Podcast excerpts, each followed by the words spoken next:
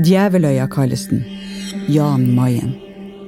Og hver sjette måned sendes en ny liten gruppe av forsvarsfolk og meteorologer til Forsvarets stasjon her. Da har vi overtatt øyen. Vi er jo aleine. I løpet av de første tre ukene så begynte jeg å kjenne at dette, er en, dette er en familie. Jeg har hørt liksom begrepet ishavsfamilie. Men det var sånn det føltes. sant? Men en lørdag, seint i januar 2021, da treffer katastrofen denne lille ishavsfamilien. Så vi satt nå der, og så ringer plutselig broren til Bjørg, da. Og da var det som en eksplosjon oppi hodet. Hør skredet på Jan Mayen i våre historier.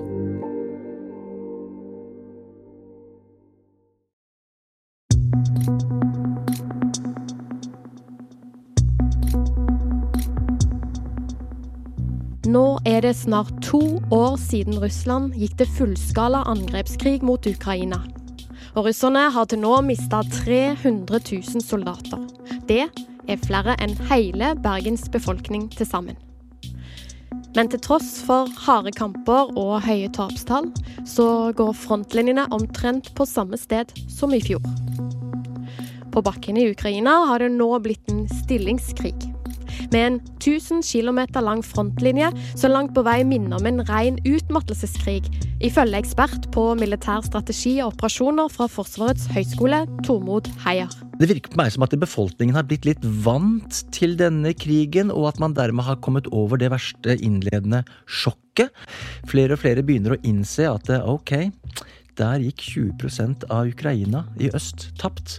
Men uh, vi uh, får bare komme oss videre. Men situasjonen på slagmarken er ikke professor Heias eneste bekymring for 2024. Støtten til Ukraina fra Vesten og USA ja, den står ikke like fjellstøtt lenger, og snart er det presidentvalg i USA. Hva skjer hvis Donald Trump blir gjenvalgt som amerikansk president i november i år? Hvilke konsekvenser får det for USA, og dermed Nato, for Europa og for Ukraina-krigen? Du hører på Forsvarspodden. Jeg heter Hege Svanes.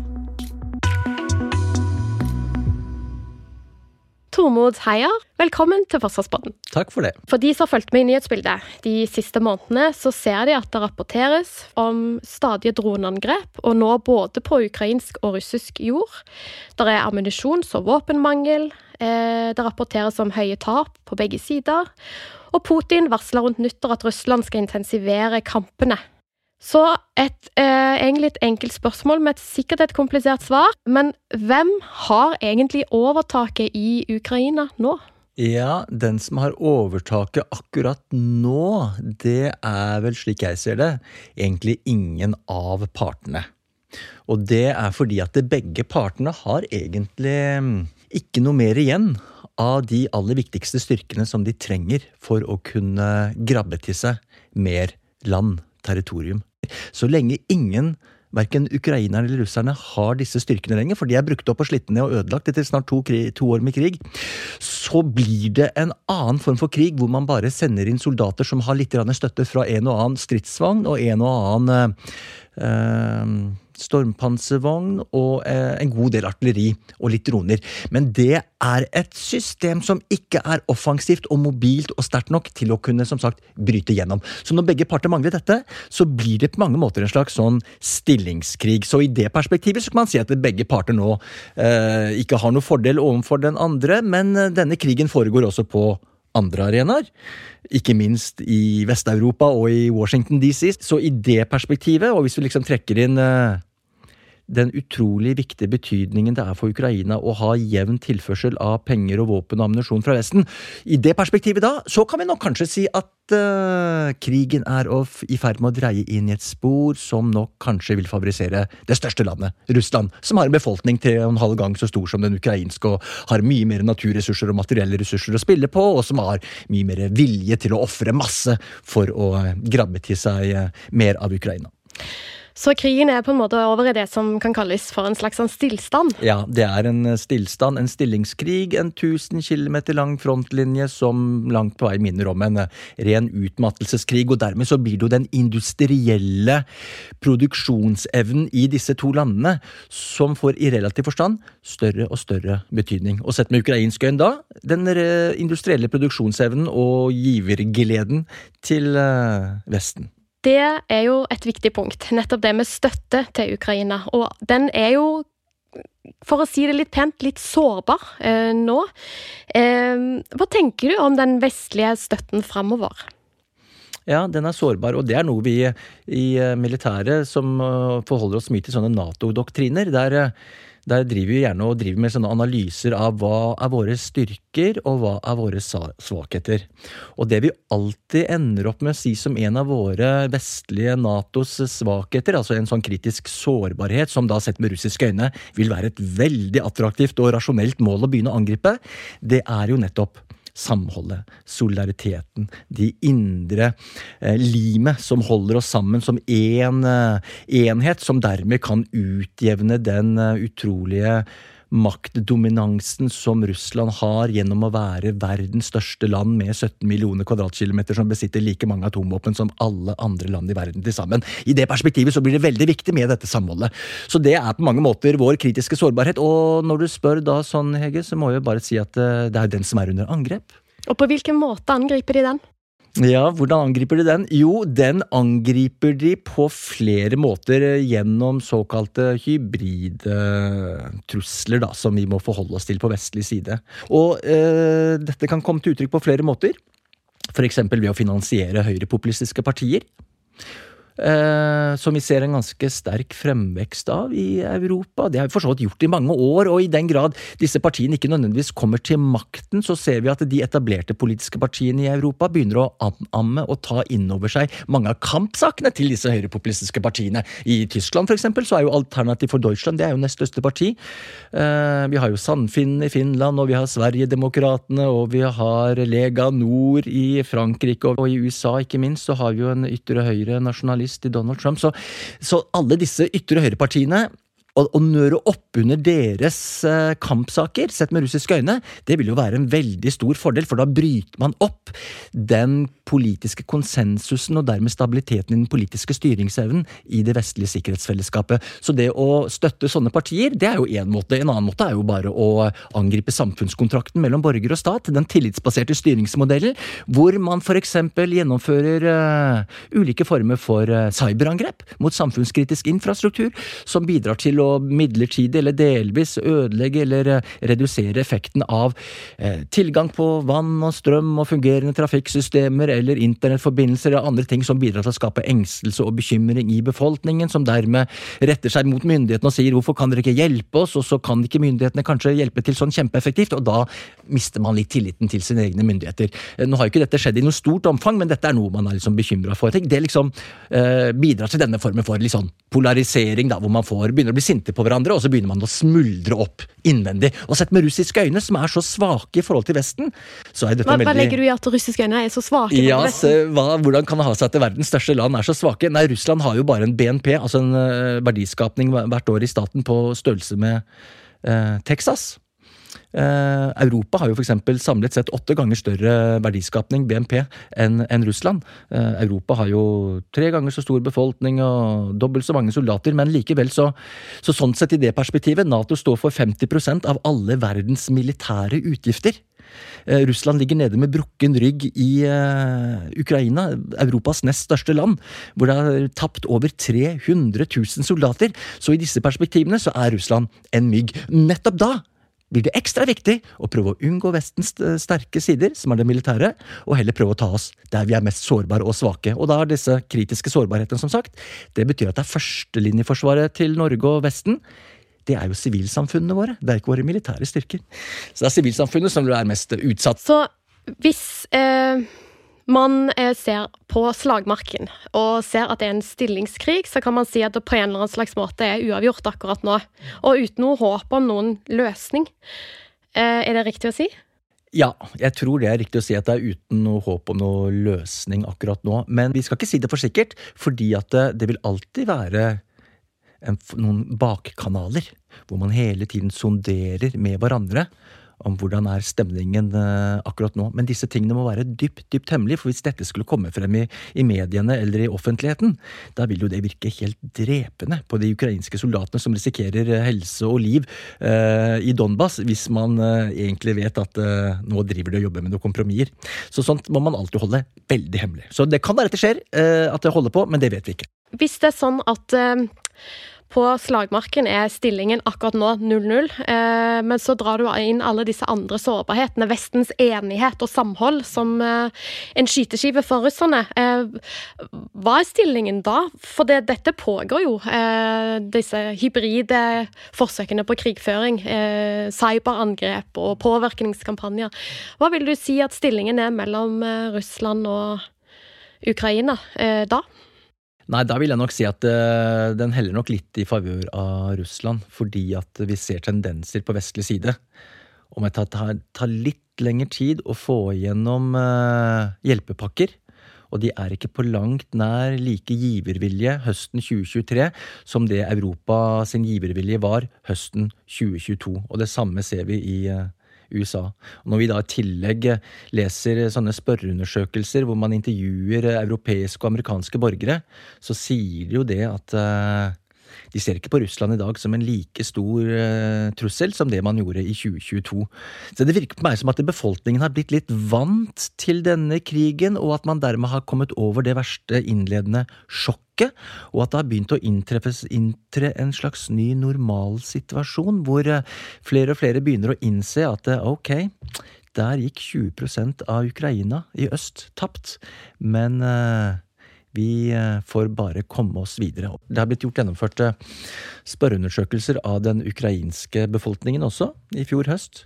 Og der er det også eh, en tendens til at flere og flere er tilbøyelige til å inngå noen kompromisser, og det er færre og færre som Det er fremdeles mange, men det er ikke like mange lenger som tror at de kommer til å vinne. Tror du at det kommende året vil eh, stille Ukraina overfor krav fra resten av Vesten om kanskje å inngå kompromiss som løsning på, på krigen? Det ser vi tegn til at det er eh, flere europeiske land som opplever at deres egen befolkning lever i en dyrtid hvor det er høy arbeidsledighet tidvis enkelte steder, og så er det høye priser på mat og bensin og strøm og levekostnader, og så er det høye renter og inflasjon som samlet sett, kombinert med kanskje mer flyktningstrømmer også, legger et ganske sånn stort økonomisk press på innbyggerne i mange vestlige land. Og da er det lettere for disse høyrepopulistiske partiene å slå seg opp, og de vil nok heller bruke pengene som er igjen da i landet, på sin egen befolkning, snarere enn å sende de år etter år etter år til et Ukraina som mange mener da ikke har noen sjanse til å få tilbake de siste fire fylkene helt øst i landet. Um, når situasjonen er så fastlåst sånn er, så blir tiden en faktor i denne krigen. Uh, kan man på en måte si at Putin har fått litt viljen sin? På en måte kan man jo si det, eh, at han har fått viljen sin eh, ved at han har tatt kontroll på 20% av det ukrainske territoriet. Han har satt seg i respekt og gjort de andre landene i Europa veldig redde for uh, han. Men den gevinsten som ligger i dette her sånn, den uh, står jo ikke i stil til de kostnadene han samtidig har måttet uh, gi fra seg. For takket være den beslutningen om å gå til denne krigen i Europas nest største land og endte opp i denne hengemyra i Øst-Ukraina, så har han jo skremt alle de veldig viktige bufferstatene som han trenger for å holde USA på en armlengdes avstand. De bufferstatene er jo skremt inn i armene til USA og Nato. Tenk på Finland og Sverige og resten av Ukraina og Moldova og Armenia og Georgia, liksom alle sammen, og til og med Kasakhstan, de rykker jo vekk fra Russland og søker seg heller enten vestover mot eh, USA og Nato eller mot Kina. Slik at eh, Rent sånn geopolitisk så tror jeg nok ikke at denne krigen har vært spesielt eh, fortjenestefull for, eh, for Putin. Jeg tror veldig mange rundt han ser akkurat det samme. Jeg tror de Grunnet denne krigen så ser du jo at erkerivalen USA er jo tilbake i Europa, med mange flere atomstyrker og mange flere soldater enn noen gang siden den kalde krigens slutt. Eh, disse rundt Putin de ser jo også at Tyskland, som liksom alltid har båret på skammen etter andre verdenskrig og aldri ville bruke penger på forsvar, selv de, som da er verdens fjerde største økonomi, vil også nå begynne å bruke 2% av BNP på forsvar og bygge opp en stor militærmakt. De ser at deres egen landmilitære styrke som sagt ligger nede med brukken rygg i, i Ukraina. og og limet i Nato er mye sterkere nå enn det den noen gang har vært siden den kalde krigens slutt. Så summen av dette her sånn Eh, tror jeg nok eh, mange i Russland eh, som holder på med sikkerhetspolitikk, vil forstå at ja, noe gevinster fikk vi ved å foreløpig ha lagt beslag på 20% av Ukraina, men du verden for noen kostnader du har hatt i tillegg, som langt på vei har isolert Russland i internasjonalt. da. Men har de ikke også fått noen nye venner, Russland, i uh, forbindelse med denne krigen, eller samtidig med denne krigen. Jeg tenker jo f.eks. på at de får jo droner fra Iran. De får droner fra Iran, og de har vel fått over en million artillerigranater fra Nord-Korea. Og de får også, faktisk, tror jeg, litt sånn våpenutstyr fra Kina. Eh, så dette er jo forstått ikke nye venner, det er gamle venner. Men eh, de finner sammen, for de har noen felles interesser. Og det er kanskje det med Kina som er det mest bekymringsfulle. Nå er jo heldigvis ikke Kina og Russland har et veldig tett, nært strategisk partnerskap. Det er et sånn interessebasert. Så mest konkurrerer de, men de har en felles interesse. Og det er å lage en multipolar verdensorden hvor det ikke er USA som dominerer over i alt og ett, sånn som det var i 15 år på 1990-tallet og litt ut på 2000-tallet. Så der har de en felles interesse. Eh, men de er ikke sånn veldig sånn tett forpliktende strategisk samarbeid mellom disse to stormaktene. Men det er riktig som du sier, at Iran leverer masse droner. og og Nord-Korea artillerigranater. Så sånn sett så Men så er det jo sånn at eh, Russland har jo også en nokså oppegående forsvarsindustri selv. Og de er jo i stand til å produsere like mye artillerigranater for eksempel, som hele Nato til sammen. Fordi den vestlige forsvarsindustrien den har jo vært bare opptatt av én ting de siste 20 årene, og det er jo å lage ammunisjon til småkrigene som har skjedd i Afghanistan og Irak. Og det er altså mot sånne små geriljabander som raser rundt i ørken eller i tettbygde strøk eller i Tora Bora-fjellene. Og da trenger du liksom ikke det samme omfanget av artilleriproduksjon, for eksempel, da, som det du gjør mot eh, verdens største land som har rykket inn i Ukraina. Så det tar mange år å bygge opp igjen også den øh, vestlige forsvarsindustrien. og så da kanskje sånn sett kan vi si at russerne har et mulighetsvindu nå i de neste årene. Uh, til å bare gnage og gnage og slite ned den ukrainske forsvarsviljen, og vite det at Vesten syns nok Ukraina er viktig, men Vesten syns ikke Ukraina er så viktig at man er villig til å risikere en tredje verdenskrig. Og så eh, var jo inne på at Nato og USA er til stede med flere styrker i Europa enn de har vært de siste årene. Um, men da har jeg lyst til å trekke inn et valg som skal være i USA senere i år. Og hva vil det ha å si for uh, situasjonen både i Ukraina og, og i Nato? Nei, ja, Hege, det er et, kanskje det viktigste spørsmålet. Og jeg tror det spørsmålet du stiller er sånn, det får oss til å tenke på én ting. Og det er rett og slett at det, den viktigste slagmarken i denne krigen den skjer altså ikke i Donbas mellom de ukrainske og russiske styrkene. Jeg tror den skjer i det innenrikspolitiske landskapet i Washington, og i det valget som da skal gjennomføres nå i november i USA. Fordi det er bare ett land i hele verden som kan samordne den vestlige giverviljen eh, inn til Ukraina. Og det er USA. De andre de leder en koalisjon, og den ledes fra Stuttgart til Tyskland. Og derfra så styrer amerikanerne en, eh, en organisasjon med mer enn 50 vestlige land. Og skulle dette amerikanske lederskapet begynne å forvitre, eller kanskje gradvis forsvinne, som følge av eh, et valgskifte eh, i eh, USA, så er iallfall Ukraina ute å kjøre. Så det er nok den store elefanten i rommet. Hva vil skje hvis Trump vinner valget? Og det spørsmålet der, det bringer jo på bane de to visjonene som innbyggerne og politikerne i USA har om sitt eget land. Én visjon det er de som holder med Biden-administrasjonen, og de har en visjon av at USA skal være, ha en internasjonal lederrolle i verden. Og gi masse penger og støtte til alle de allierte som de har rundt omkring i hele verden. Eh, fordi man mener at, ifølge Biden, nå står vi i et kritisk vendepunkt i denne verden. Et såkalt inflection point, hvor vi kan risikere å se at de autoritære kreftene i Kina og Russland gradvis vil begynne å undergrave og svekke og ødelegge den vestlige verdensorden som vi er så blitt så glad i.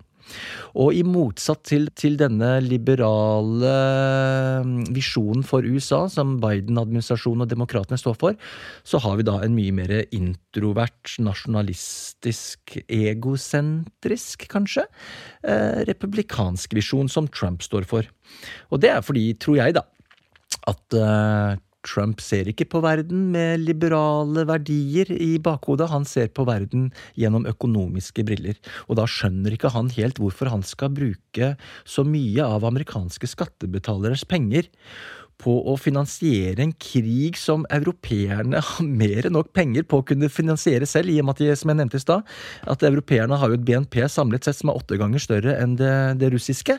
Så hvorfor skal liksom amerikanerne bruke av sine penger på å hjelpe europeerne, når europeerne strengt tatt har mer enn nok råd med å fikse dette sjøl? Og i USA så bor de 40 millioner innbyggere som lever daglig under fattigdomsgrensa, og middelklassen i USA de har ikke fått økt kjøpekraft siden midten av 1970-tallet, så han skjønner liksom ikke hvorfor skal jeg bruke masse av våre skattebetaleres penger overalt rundt omkring i hele verden hvis det ikke fremmer amerikanske interesser? Så dette er liksom det mer introverte, isolasjonistiske, eh, ja, egoistiske perspektivet som, som, denne delen av eh, republikanerne har eh, blitt veldig tydelige på de siste fem, seks, sju, åtte årene, og står i dag i kontrast til de republikanerne som i 2008 i Europa, i Bucarest, under et Nato-toppmøte, mente at Ukraina og Georgia selvfølgelig burde få lov til å bli medlem av Nato. Nå vil de altså republikanerne omtrent ikke hjelpe ukrainerne lenger.